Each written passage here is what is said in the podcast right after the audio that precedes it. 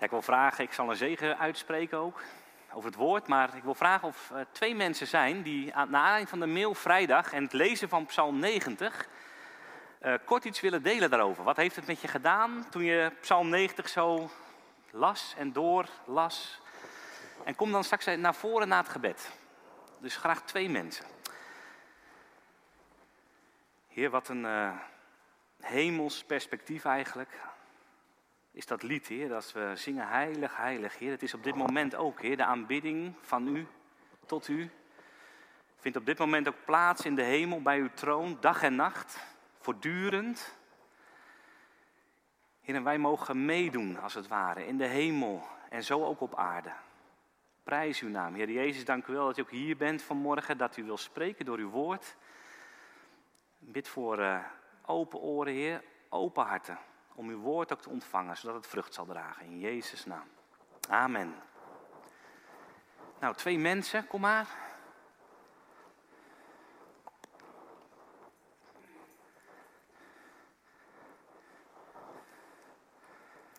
Ja, André, kom even hier staan. Nog, nog andere. Wie heeft het gelezen en heeft gewoon, je mag heel kort, hè, hoeft geen, uh, hoeft geen bijbelstudie. André, volgens mij doet deze het. Nee, deze niet, die ligt er. Zussen, het, het woord is zo machtig en ik lees nog uit de MBG, maar hier staat ook de eeuwige toevlucht voor de vergankelijke mens. Uh, lieve broers en zussen, a thousand generations. Duizenden en duizenden generaties mensen hebben geleefd, maar hoe leef je? En André is gewoon single, maar daarom is hij niet minder.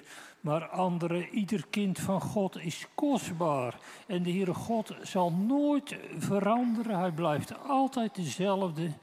En dan mag je ook zeggen tot je ziel, keer weder, o ziel, tot uw rust. Oké, dankjewel André. Margriet.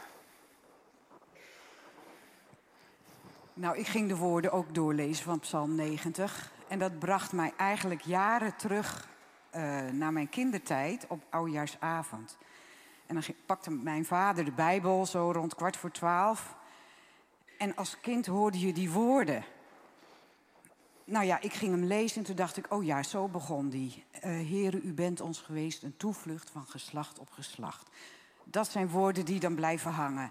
En dan kon ik me een hele poos me niks herinneren. En dan duizend jaren zijn we u als een dag dat komt dan ook weer bij je boven. En dan, ja, we worden 70 jaar en zo we sterk zijn, 80. Maar als kind begreep ik er verder eigenlijk helemaal niets van. Dus ik ben eigenlijk super nieuwsgierig wat Christian oh. ervan gaat maken. Dus dat kan ik er eigenlijk over zeggen. Het geeft heel veel herinnering, maar ik ben heel benieuwd. Want het is best hartstikke pittige psalm om die zo even te lezen. Dus aan jou, nou, Christian. Je mag hem daarin doen. Dankjewel. Ja. Ja, zeker. Nou, wij proberen het ook met Oudjaarsdag. Ik vind trouwens, je doet deze psalm ontzettend tekort als je hem alleen met Oudjaarsdag leest. Dus dat even ten eerste. Uh, maar ik probeer het ook met het gezin, 5 voor 12, vlak voor 12 uur, psalm 90. Nou, we zijn halverwege gestopt. Ze waren niet te houden. Het was bijna 12 uur, er moest vuurwerk geknald worden. En ik probeerde ze nog te laten zitten. En Marieke zei, Christian, volgens mij vergeef ze moeite. Dus daarom niet met oudjaar, maar doe het op een ander moment. Hè? Nou, ja, en dit is de psalm. Ja, ik ben er eigenlijk al een hele tijd mee bezig, al maanden. En toen wij in teamonderwijs zeiden, we willen twee gebeden bespreken. Dus in februari twee gebeden, zei ik, nou dan wil ik, wil ik meteen psalm 90. Ik wil er eens induiken, want ik vind het een ongelooflijke moeilijke psalm. En dat is het nog steeds. En toch, als je erin duikt en leest, herleest, dan mag je er iets van ontdekken. En ik luisterde een podcast van Eerst Dit. EO, hè? Eerst Dit is elke ochtend. Korte overdenking. En het ging over psalm, niet over de psalm 90. Maar het ging over Kees van Ekeris en die zei het volgende. Hij zegt, ik was naar een training. Hij is ook spreker. Uh, in de reclame, zeg maar, hoe het in de reclamewereld gaat. En die werken via het principe KIS. Weet iemand dat? Dat principe KIS? Ja, het is overal tegenwoordig bekend, maar keep it short and simple. Nou, vanmorgen wordt het niet short. Het is ook niet simpel, helaas. Hè? Maar hij zei dat ook, van soms is het woord van God niet eenvoudig. En misschien doen we soms, als we hier staan te spreken, wel eens dat alles heel eenvoudig is. Maar dan hebben we er heel wat uren in zitten. En dan is het voor ons nog steeds niet eenvoudig. want het woord van God is rijk, is zo diep, moeilijk soms te doorgronden. Kijk, het evangelie is eenvoudig en helder. Ik hoop dat we dat ook zo brengen. Het evangelie van Jezus Christus. Dat hij gestorven is voor onze zonde en is opgestaan. En troont in de hemel. Het, korte evangelie mogen we eenvoudig brengen. Maar soms is het woord van God toch wat moeilijker dan keep it short en simpel. Maar zullen we gewoon het proberen vanmorgen, hè? deze psalm. En ik wil even als oefening gewoon eens zeggen, zullen we, ik wil de psalm voorlezen. Maar ik dacht, laten we gewoon niet meelezen. Misschien je ogen dicht doen of je ogen open, maar gewoon luisteren. Probeer eens met deze psalm, en we gaan er straks wel doorheen, maar probeer eens gewoon te luisteren. En, en dan ja, je daarop te richten. Oké, wat bidt Mozes? Want het is een gebed. Het is een gebed van Mozes. Denk alleen aan Mozes, hè? wat een leven heeft hij gehad. En dan hebben we hier een gebed van hem. En ik denk dat ons veel leert van wie God is. Ook de diepte van God, dat we iets mogen proeven daarvan. Maar zullen we dat zo doen? Dus luister, je mag je ogen dicht doen en, en wat, ja, ja, ontvang, ontvang deze psalm, dit gebed van Mozes. Adonai, u bent ons een toevlucht geweest van generatie op generatie. Al voor de bergen geboren waren en u de aarde en de wereld voortgebracht had, ja, van eeuwigheid tot eeuwigheid bent u God. U doet een mens terugkeren tot stof en zegt, keer terug, mensenkinderen. Want duizend jaren zijn in uw ogen als de dag van gisteren, wanneer die voorbij gegaan is. Of als een waken in de nacht. U spoelt hen weg, zij zijn als de slaap. In de morgen zijn zij als het gras dat opkomt. In de morgen bloeit het en komt het op. S'avonds wordt het afgesneden en het verdort. Want wij vergaan door uw toren. Door uw grimmigheid worden wij door schrik overmand. U stelt onze ongerechtigheden voor uw ogen, onze verborgen zonden in het licht van uw aangezicht. Want al onze dagen gaan voorbij door uw verbolgenheid. Wij brengen onze jaren door als een gedachte. De dagen van onze jaren, daarin zijn 70 jaren, of als wij zeer sterk zijn, 80 jaren. Maar het beste daarvan is moeite en verdriet, want het wordt snel afgesneden en wij vliegen heen. Wie kent de kracht van uw toren en uw verbolgenheid? Wie weet hoezeer u te vrezen bent? Leer ons zo onze dagen tellen, dat wij een wijs hart verkrijgen. Keer terug, Heer, hoe lang nog? Laat het u berouwen over uw dienaren. Verzadig ons in de morgen met uw liefde, dan zullen wij juichen en verblijd zijn tijdens al onze dagen. Verblijd ons overeenkomstig de dagen waarin u ons verdrukt hebt. Overeenkomstig de jaren waarin wij het kwade gezien hebben. Laat uw werk aan uw dienaren gezien worden, uw glorie over hun kinderen. En de lieflijkheid van de Heer onze God zij over ons Bevestig het werk van onze handen over ons. Ja, het werk van onze handen, bevestig dat. Amen.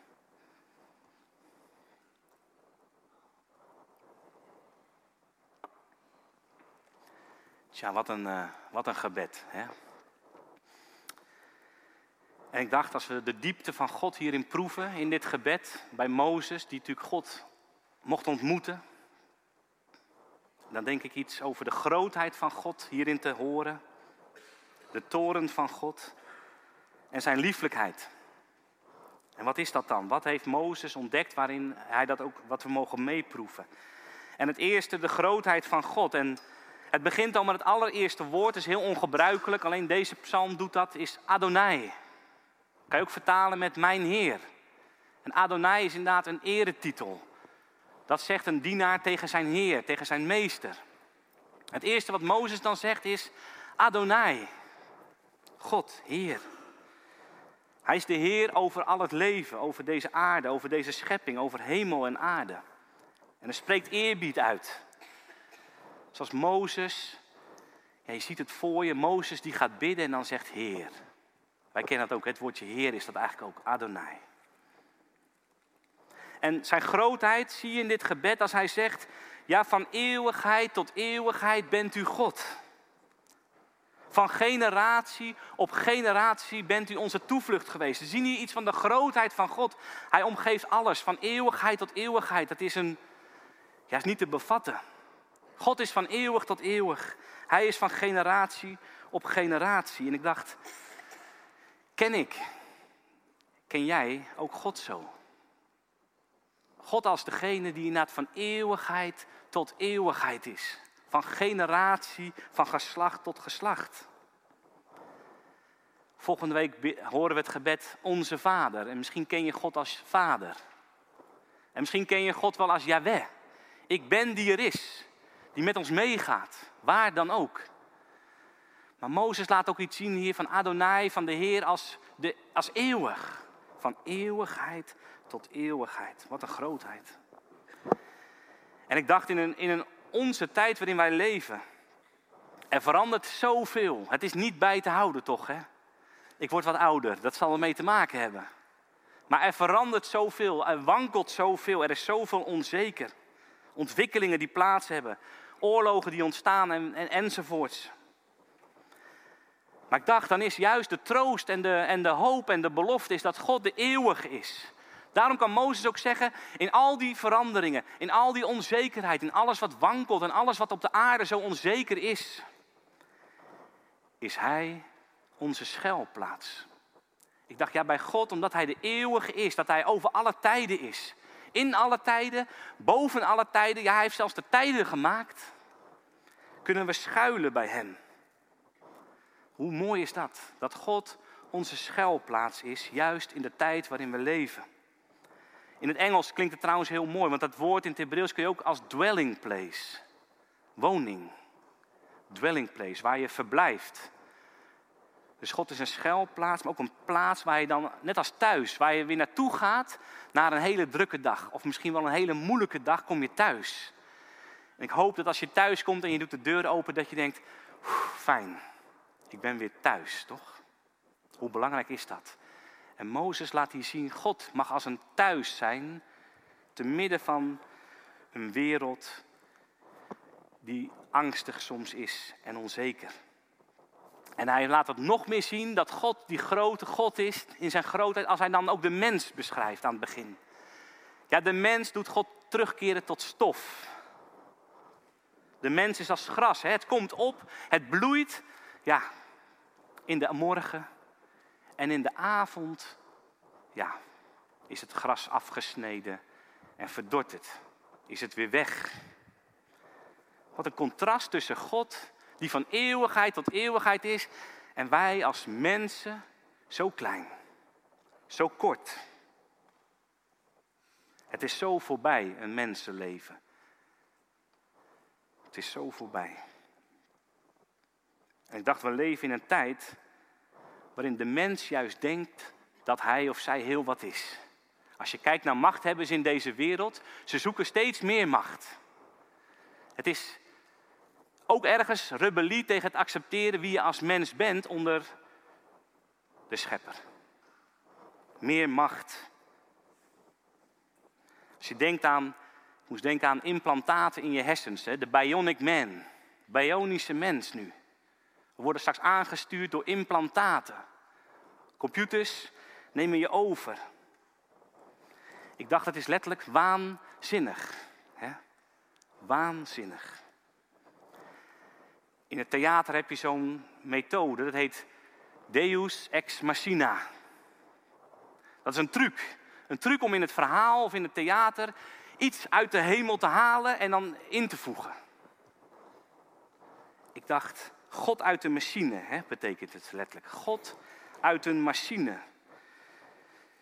Ik dacht, Heer, het gebeurt. We proberen trucs. Hè. We willen niet accepteren onze sterfelijkheid van het mens zijn. We willen als God zijn. Net als dat volk Israël een gouden kalf bouwde. Een truc. Een truc. Die zal ons redden. Hè? Die zal ons redden. Gouden kalf. Maar Mozes beseft, God is een schuilplaats. Hij is van eeuwigheid tot eeuwigheid. Bij Hem mag je woning zijn, je thuis zijn. Bij Hem ben je veilig. En juist Zijn grootheid is zo veilig. Dat je mag weten, nee, in alles wat er in je leven gebeurt, klein en groot in deze wereld, wat je kan overvallen door angst en twijfel als je alles leest en hoort. God is een schuilplaats, want Hij is van eeuwigheid tot eeuwigheid. En dan in vers 7, als je naar die psalm kijkt, is het wel bijzonder. Mozes bidt eerst in zijn algemeenheid, lijkt het wel. De mens. De mens keert tot stof. Hij is daar in zijn algemeenheid aan het spreken en God is de eeuwige. Maar dan in vers 7 zegt hij in één keer, want wij. Het wordt in één keer heel persoonlijk. Het is trouwens heel opvallend, Mozes zegt geen één keer ik in het gebed. Het viel me in één keer op. Ik dacht, nergens staat het woordje ik.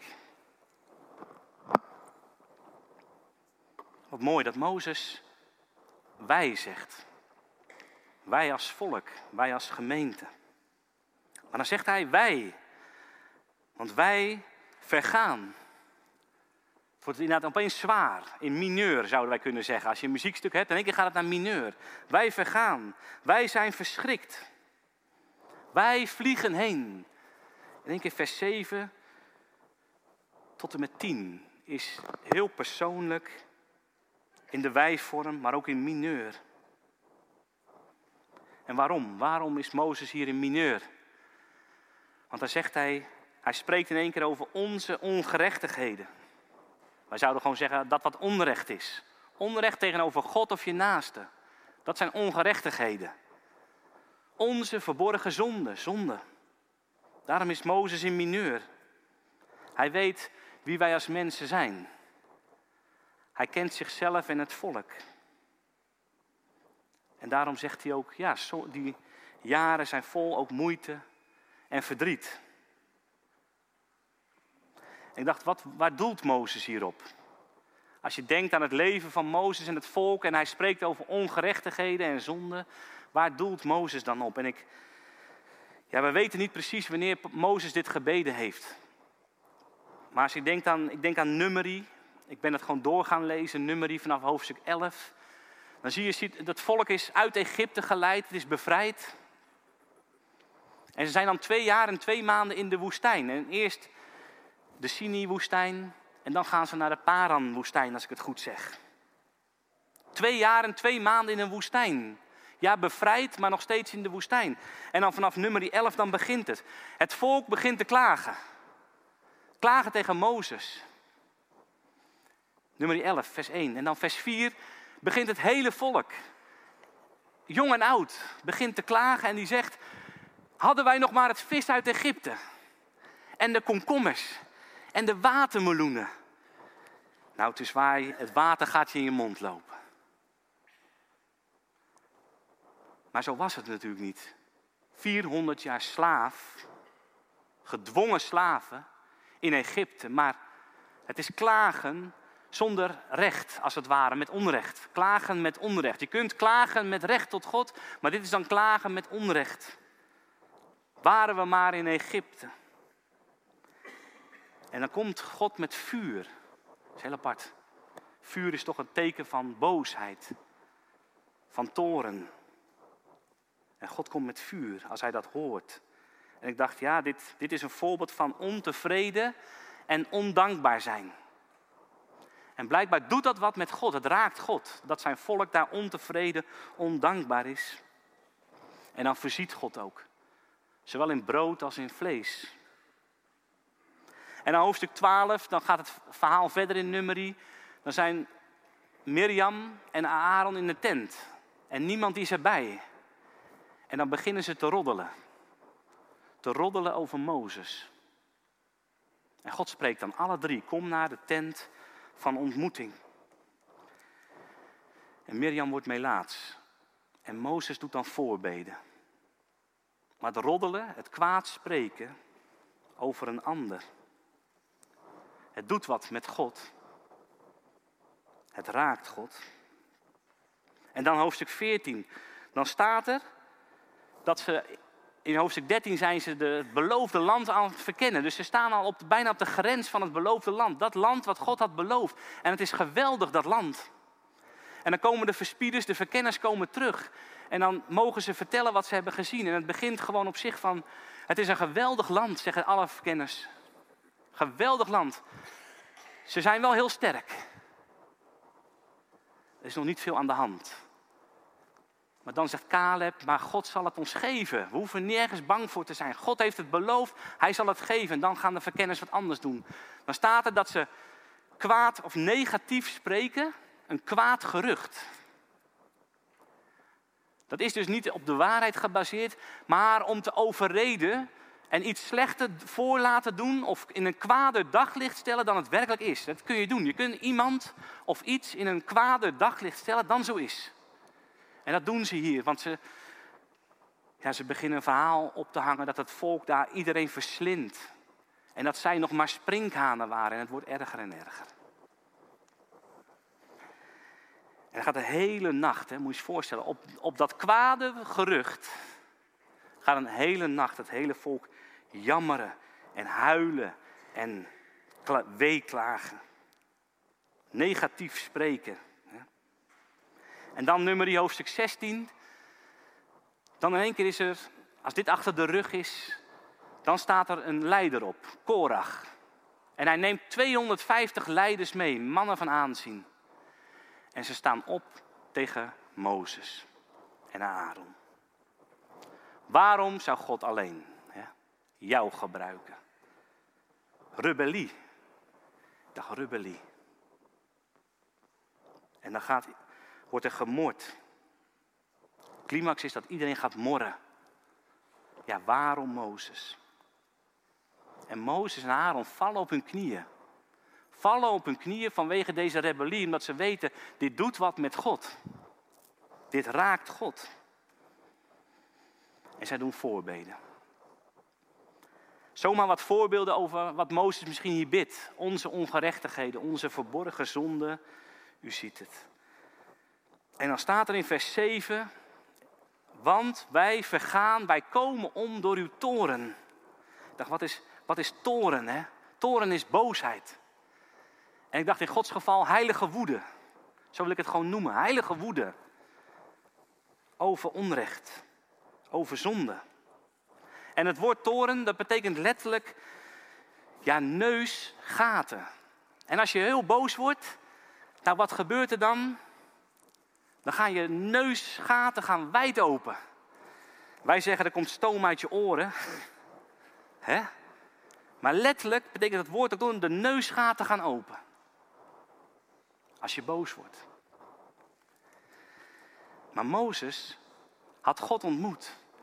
En God had gezegd, ik ben, ik heb lange neusgaten. Oftewel heel geduldig. God heeft gezegd tegen hem, ik ben de Heer, de Heer, barmhartig, rijk van goede tierenheid en geduldig, lange neusgaten.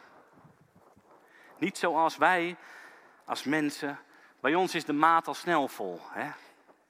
Bij de een wat sneller dan bij de ander. Hè? Gelukkig is het ook een vrucht van de geest. Hè? Geduld, vrucht van de geest. Het is geen eigenschap van mensen, maar de geest geeft het. Hè? En God is ook zo. Daarom is de vrucht van de geest. God is geduldig. Maar hier blijkt dus uit, uit uit de hele Bijbel natuurlijk, maar ook uit dit gebed en dit stuk, God kan boos worden. Boos worden over onrecht en boos worden over zonde. Of zoals ik zei, in heilige woede zijn. Romeinen 1, vers 18, daar staat het ook. Paulus schrijft het aan de Romeinen en hij zegt: De toren van God openbaart zich vanuit de hemel over alle goddeloosheid en ongerechtigheid van de mensen. Voor Paulus is het helder. God, vol liefde, vol geduld, vol trouw, kan boos worden. En dat, dat noemen we met het woord toornig. Heilige woede. En twee weken geleden reed ik naar Gorkum, naar een gemeente daar. En toen luisterde ik, doe ik vaak dan tussen 9 en 10 heb je op Grootnieuws Radio heb je een dienst, een samenkomst. Nou, het is geen samenkomst trouwens. Andries Knevel die praat het aan elkaar en allemaal liederen. Zo moet ik het zeggen. En er is ook een korte overdenking.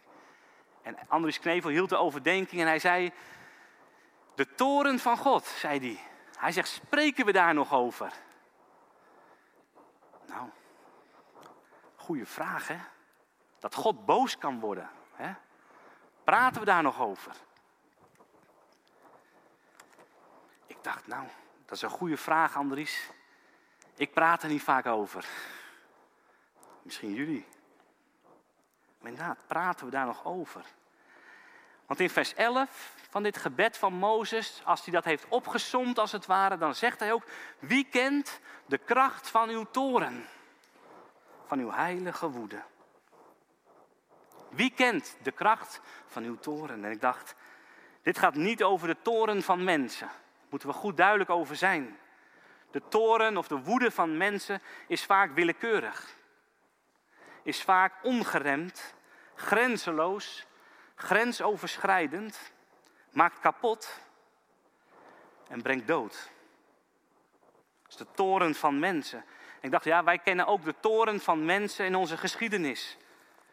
De geschiedenis van ons mensen staat vol met woede, wat leidde tot wreedheden.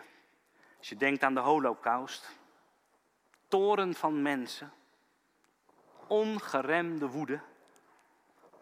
Ik las over Rwanda, 1994, Hutus, Tutsis. 70% van de Tutsis zijn toen uitgemoord, las ik. Dat is een schatting. Schatting, hè? 70% van een volk. Vermoord, uitgeroeid. Rusland, er zijn onderzoeken nu over Mariupol. Mariupol, moet ik zeggen, in Oekraïne. Havenstad. Eén stad is uitge, ja, uitgemoord en verwoest. Om duidelijk te maken wie tegen ons opstaat, Rusland, kan dit gebeuren. 7 oktober. 7 oktober, hè? de slachting en de, de gruwelijkheden hebben we gelukkig niet allemaal gehoord en gezien. En ook de misstanden in oorlogen. Als je denkt aan het aantal verkrachtingen in oorlogen. Het is, het is onvoorstelbaar. Ik zou zeggen, God onterend. Storen van mensen. Woede, ongeremd. Wat ook onze menselijke geschiedenis kenmerkt. En weet je, als het gaat over boosheid, boos zijn. Als, als je als vader en moeder hier zit, soms moet je boos zijn. Je hebt recht soms om boos te zijn in je opvoeding. Maar je moet oppassen dat het niet ongeremd wordt, te ver gaat. Door de zonde gebeurt dat soms. En dan moet je het in orde maken. Hè? Maar de Bijbel is niet tegen boosheid. Ook niet dus tegen de boosheid of de toren, zoals hier gezegd wordt, van God. En vanmorgen wil ik eigenlijk zeggen, de toren van God is noodzakelijk. Is noodzakelijk. En waarom? Waarom is de toren van God noodzakelijk? Het, hierom. Om het kwaad, het onrecht en de zonde te stoppen. Daarom is God toornig, omdat het kwaad in deze wereld moet stoppen. Omdat de zonde moet stoppen. En dan is het soms nodig, net als in je opvoeding, dat je een keer boos wordt. Wij zeggen het wel eens, ook Marieke en ik, tegen elkaar. Ik hou er niet van, maar soms moet je even boos worden. Zodat de kinderen weten, het is menes, hè. Het is menes, ik kan niet doorgaan. Als God niet toornig zou zijn, zou de zonde en het onrecht maar doorwoekeren. En het rapport hè, van de NPO, niets gezien, niets gehoord, niets gedaan, is natuurlijk iedereen schrikt ervan. Denk nou, er is wel meer wat we nog niet weten, waar we nog harder van gaan schrikken misschien. Maar je schrikt ervan toch? Een cultuur in zo'n bedrijf waar zoveel mis is. Niets gezien, niets gehoord, niets gedaan. Maar weet je, het was cynisch bedoeld. Het blijkt daar dat juist de leidinggevenden het wel hadden gezien. Onder andere de leidinggevenden, ook collega's, wel hadden gezien, wel hadden gehoord en niets hadden gedaan. En daarom ging het door. En werd het erger. En werden meer mensen beschadigd en kapot gemaakt.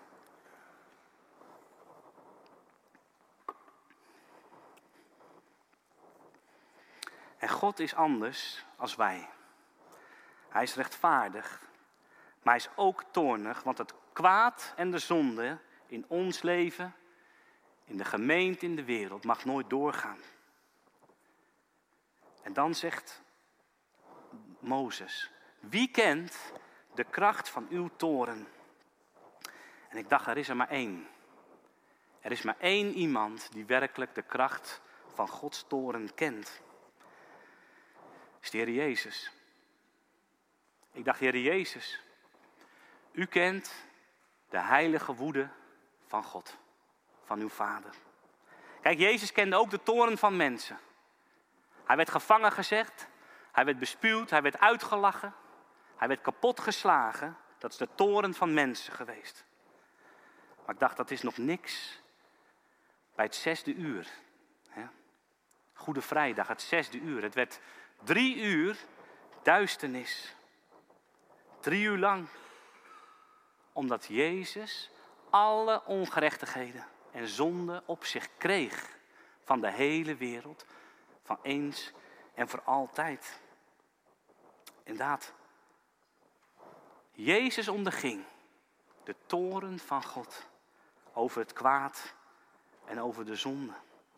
Niet wij, maar juist omdat Hij het heeft ondergaan, stopt de zonde. Kan de zonde in jouw leven stoppen en de onrecht in jouw leven, omdat Hij het heeft gedragen.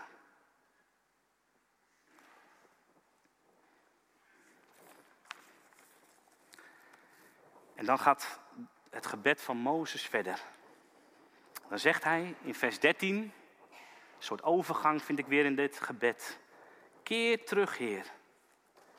Hoe lang nog? Keer terug. Ik dacht wat mooi dat Mozes begon met Adonai, u bent onze schuilplaats. Zelfs dus in diepste duisternis wil God een schuilplaats zijn waarbij je kan schuilen. En dan hier zegt hij in één keer, keer terug Heer. En dan zegt hij niet Adonai, maar dan zegt hij Yahweh. In één keer wordt het heel dichtbij. Als hij dan over de grootheid van God heeft gebeden, ook de toren van God, over het onrecht, dan zegt hij nu, keer terug Heer, Yahweh. Yahweh, u die er is en altijd zal zijn. In één keer staat daar dit woord van God, de naam van God. Ik ben die er is en zal zijn. Ik vond het zo mooi dat Mozes hier heel dichtbij weer komt bij God. En zegt, keer terug, Heer. Ik dacht, wat bedoelt Mozes nou? Nou, als je nummer 10 leest, laatste vers, dan zie je dat Mozes dat eerder heeft gebeden. Namelijk, het volk was op reis. Door die woestijn. En al die stammen gingen als legers opbreken. En dan gingen ze ook weer rusten als God bleef rusten. Waar moesten we ons kamp opslaan? Nou, als God stopte. En wat bidt Mozes dan? Als ze hun kamp hadden opgeslagen, dan bidt Mozes, keer terug, Heer. En als hij hier dan weer bidt, keer terug, Heer, is dat op de plek waar wij zijn. Wat een mooi gebed eigenlijk. Hè? Dat je zegt, ja, wij u bent die er is en zal zijn. Vanmorgen hier, keer terug, Heer. Wees hier. Of als je thuis bent, Heer, wees hier. In dit huis in mijn huis. En dan gaat Mozes voorbeden doen. Hij gaat voorbeden doen vanaf vers 13. Hij zegt dan, verzadig ons in de morgen met uw rijkdom aan liefde.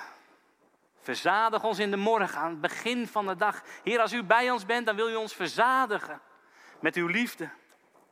En daar bidt hij om. Heb compassie. Dan zullen we juichen en verblijd zijn. Geef ons vreugde, bidt Mozes. Geef ons weer vreugde. En dan bidt hij ook iets heel moois in vers 16. Dat het werk van de Heer, wat Hij doet in onze wereld, in ons leven, dat we dat mogen zien. Hij zegt, laten we het zien, Heer, wat U doet in ons leven. Open onze ogen en dan zegt Hij, Uw glorie of Uw heerlijkheid over onze kinderen. In één keer komen die geslachten weer terug. En Mozes doet zo voorbeden. Uw glorie over ons en onze kinderen. Voorbeden doen. Voorbeden doen voor elkaar, voor anderen. Ik dacht, hier is Mozes een beeld van Jezus. Jezus die nu op de troon zit aan de rechterhand van de Vader. Wat staat er over hem? Hij zit daar tot eeuwigheid. En omdat hij altijd leeft, kan hij volkomen redden wie door hem tot God gaan. Omdat hij altijd leeft om voor hen, ons, de gelovigen, te pleiten, te bidden, voorbeden te doen. Dus dit gebed wat Mozes doet, ik dacht, Heer Jezus, dat doet u nu in de hemel. Dag en nacht. Als je denkt, wie bidt er voor mij? Nou, de Heer Jezus is dag en nacht aan het bidden. En hij leeft altijd, ook om volkomen te redden. Wonderlijk beeld eigenlijk. Hier Mozes voor het volk en voor zichzelf. Maar Jezus vanuit de hemel, groot verschil. Mozes bidt op de aarde als een sterfelijk mens, met ook zonde. Maar Jezus bidt vanuit de hemel op de troon, dag en nacht, om voor jou, voor mij, voor de gemeente, voor ons alle gelovigen te bidden en te pleiten. En dan vond ik zo mooi, vers 17. Dan zegt hij, Mozes, en ik dacht, we komen nog dichterbij. Het einde van het gebed komt steeds dichterbij. Jawel, u bent die er is. Maar dan zegt hij in vers 17, de lieflijkheid van Adonai, die grote God, de lieflijkheid van Adonai, onze God, zij over ons. In één keer spreekt hij over lieflijkheid. Moest kijken, in één gebed. De grootheid van God, de toren van God en nu in één keer naar de lieflijkheid. Lieflijkheid, hè. Psalm 16 zegt, lieflijkheden zijn in uw rechterhand voor altijd. Ja, wat zijn lieflijkheden? Je kan het ook vertalen met de schoonheid van de Heer, maar ik vind lieflijkheid wel prachtig. Loving kindness. Als een vader, als een moeder. God is ook in de Bijbel moeder, hè? Lieflijkheden, zij over ons. Ik dacht, oh, we komen hier zo dichtbij. Het wordt hier zo intiem. Mozes die dit bidt. Heel dichtbij, heel intiem. Ik dacht, Heer, ken ik dat? Ken ik die intimiteit? Dat ik met u stil ben en heb ervaren in mijn leven ook uw lieflijkheden. Hè? Uw loving kindness. En ik dacht, misschien ken ik dat helemaal niet echt. En misschien ken jij het ook niet. Maar Mozes bidt daarom ook daarvoor. De lieflijkheden van Adonai, zij over ons. Het is een gebed ook, Heer, dat we dat mogen ervaren en leren kennen. De lieflijkheden van de Heer. En dat lied, en ik ga hem niet spelen, heb ik al een keer gedaan, zei Marieke. U, Heer, bent wonderschoon. Naar u verlangt mijn hart. En hoe gaat hij verder ook alweer? Als uw ogen op mij zijn, vervult uw liefde mij. Ik dacht, nou heer, dat is een lied, die kan ik thuis zingen of opzetten. Hè? En dan iets ervaren van uw lieflijkheden. En ik bid dat jou ook toe. Jullie ook toe vanmorgen. Dat we samen met elkaar die grootheid van God als een schuilplaats mogen ontdekken. Juist in de tijden waarin we leven en alles onzeker is. Zijn grootheid, ja, van eeuwigheid tot eeuwigheid bent u God, Adonai. Maar ook dat we de toren van God niet ontkennen of daarvoor weglopen, maar beseffen, Heer, u wil een stop brengen aan het kwaad en aan de zonde in de wereld, maar ook in mijn leven. En als u dat doet, is het niet zoals bij mensen ongeremd, kapotmakend, maar is het ten leven. Ten leven. En dan ook die lieflijkheden. Heer, heel dichtbij. Heel dichtbij u. Zo samen bidden, dan gaan we een lied even gewoon opzetten om naar te luisteren over Psalm 90. Hemelse Vader, Heer, deze psalm is zo diep, Heer, dit gebed. Misschien heb ik en hebben wij maar iets geproefd, Heer, hiervan. Maar Heer, dank u voor uw Heilige Geest. Uw Heilige Geest die openbaart wie de Heer Jezus is, wie de Vader is. Ook vanmorgen, Heer, wilt u openbaren wie u bent door uw Geest. En ook dit woord. Ik bid deze komende tijd ook, Heer, misschien gaat deze psalm mee, Heer, openbaar wie u bent in uw grootheid, in uw toren, maar ook in uw lieflijkheden. Heer, we loven en prijzen u, Heer. En uw goede tierenheid, Heer, zij over ons, Heer. Ook over de kinderen, Heer, die hierachter zitten, over de leiding die daar zit, Heer Jezus. We zegenen hen uit ons midden. Amen.